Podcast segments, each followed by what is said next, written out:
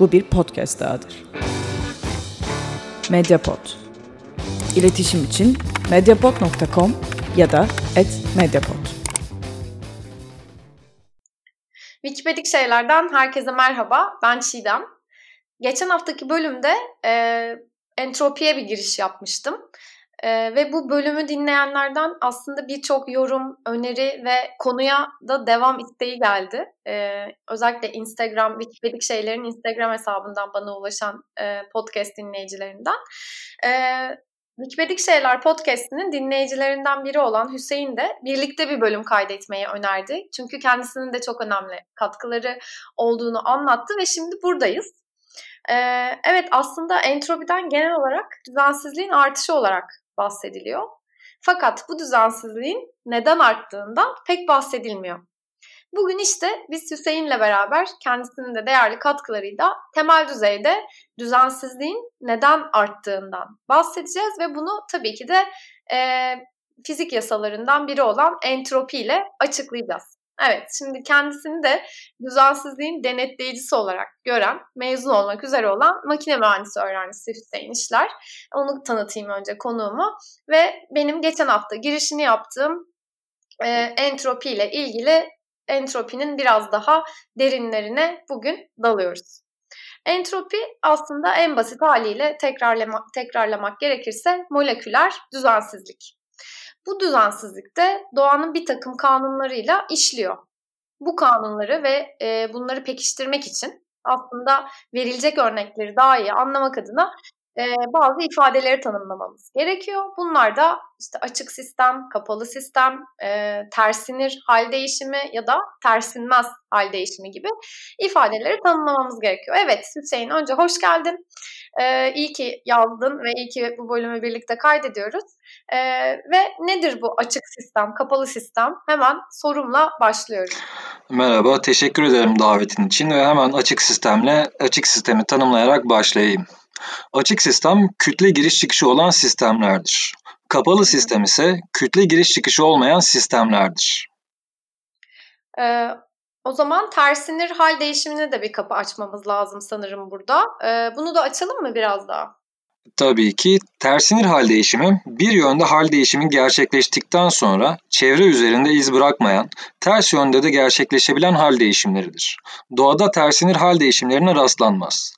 Tersinir olmayan hal değişimine ise tersinmez hal değişimi denir. Doğadaki bütün hal değişimleri tersinmezdir. Gerçekleştirdiğimiz eylemlerde bize her zaman karşı olan kuvvetler vardır. Yürürken hava direncine karşı koyarız.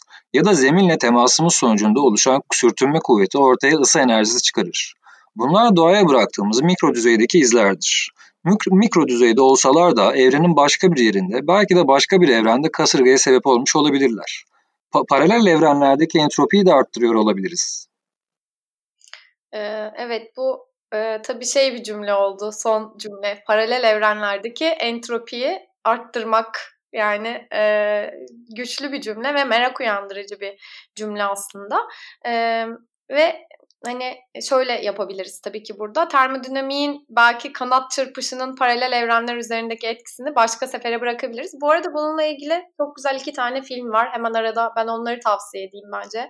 E, dinleyenler izlemek isteyebilirler. Tabii YouTube'da entropi e, ile ilgili çok fazla video var ama e, eğer bunu bir gerçek hani e, insanların gerçek yaşamları üzerine e, bir hikayeleştirme üzerine dinlemek isterseniz Mr. Nobody e, hani entropi ve bu paralel evrenlerdeki entropiyi arttırma konusuna bir e, parantez açan filmlerden bir tanesi Mr. Nobody. E, bir tanesi de e, Love of Thermodynamics. Aslında ilişkilerin ve e, insan ilişkilerinin özellikle kadın erkek ilişkilerinin e, entropi ve e, birkaç tane daha fizik yasası üzerinden arttırmasını anlatıyor, değiştirmesini art, e, anlatıyor diyebilirim. E, Peki o zaman hani bu ben parantezi de açtıktan sonra e, belki entropiyi e, arttırmaktan bahsetmişken entropi kavramına da giriş yapalım diyorum ben.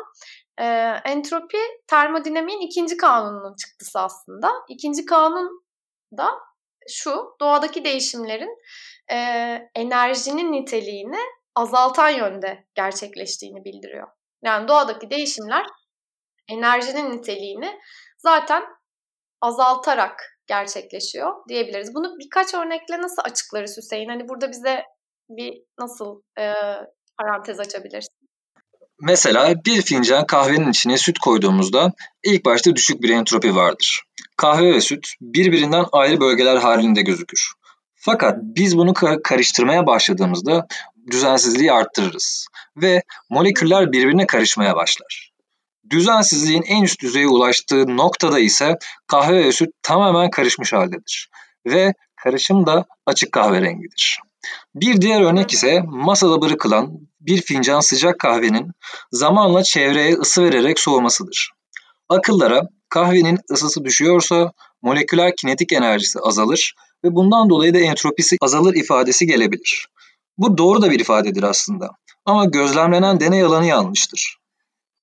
Hmm, peki e, bu gözlemlenen deney alanı yanlış ne demek tam olarak? Ee, burada aslında bir adım geri atarak daha büyük resme bakarsak burada deney alanımız artık bir fincan sıcak kahve. Yani artık aslında soğuk olan kahve değil bir fincan sıcak kahve ve çevresini alırsak Kahve fincanındaki tersinmeler ve bir miktar entropinin de ısı geçişiyle taşınması sonucunda soğuk cisimdeki entropi artışı sıcak cisimdeki entropi azalmasından daha büyüktür. Bundan dolayı entropi her zaman artar. Hmm. Güzel. Aslında bu çok güzel bir örnek. Çünkü e, içinde bulunduğumuz aslında e, evrenin de sonsuz olduğunu düşünürsek ve bir de dünyanın e, kapalı bir sistem olduğunu göz önünde bulundurursak aslında hayatta yapacağımız her hamle hatta yapamayacağımız hamleler de entropiyi e, arttırır diyebilir miyiz e, diye bir soru sorabilirim sana. Ve hani aslında benim de aradığım ve Wikipedik şeylerde e, genelde uygulamaya çalıştığım bir, bilim kanunlarının, fenomenlerin ya da bir fizik yasasının yani entropi gibi bir fizik yasasının da gündelik fani yaşamlarımıza aslında nasıl yansıdığı. Peki burada nasıl bir açılım yapabiliriz sence? Aslında entropiyi durdurmanın tek bir yolu var. O da üçüncü kanunla açıklanan mutlak sıfıra yani eksi 273.15 Celsius dereceye ulaşmaktır. Fakat buna da henüz e, ulaşamadık. Yani teknoloji, teknolojimiz buna el vermiyor. Yani ne yaparsak ya da yapmazsak entropiyi arttırırız aslında. Artmasını engelleyemeyiz. Sadece entropinin artış hızını değiştirebiliriz. Fakat bu bir gün her şeyin biteceğini değiştirmiyor.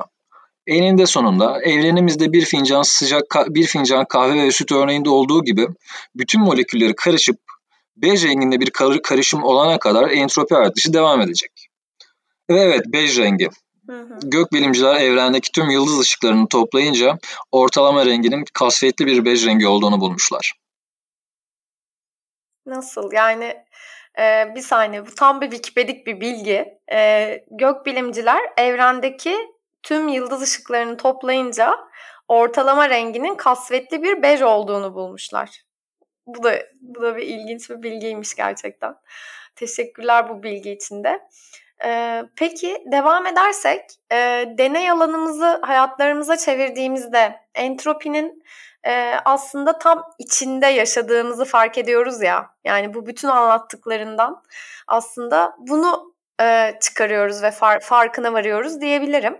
E, ve var olan her şeyin son bulacağı dolaylı yoldan da aslında entropi e, geleceğin de mükemmel düzensizlik olacağını söylüyor ve lirik anlam arayışlarımızı da bir bakıma soyutlaştırıyor diyebilir Aynen miyiz? yani insanoğlunun güdüleriyle idrak edemediği bir bilinmeze doğru sürüklüyor bize entropi.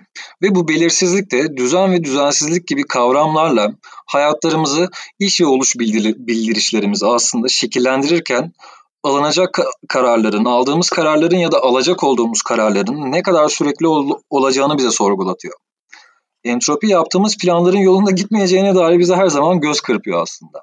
Fakat biz iterasyon yaparak hedefimize yakınsıyoruz. Hayattan aldığımız keyfi de bu yakınsamanın yakınsanamayan kısmına borçluyuz aslında. O küçücük hata payına borçluyuz aslında. Yani hayatımızdaki bu rastsallıktan keyif alırız. İşte planlı çekilmeyen fotoğrafların daha güzel olması gibi. Planlanmayan buluşmaların, denk gelişlerin verdiği hazın o kesif bir hissi gibi.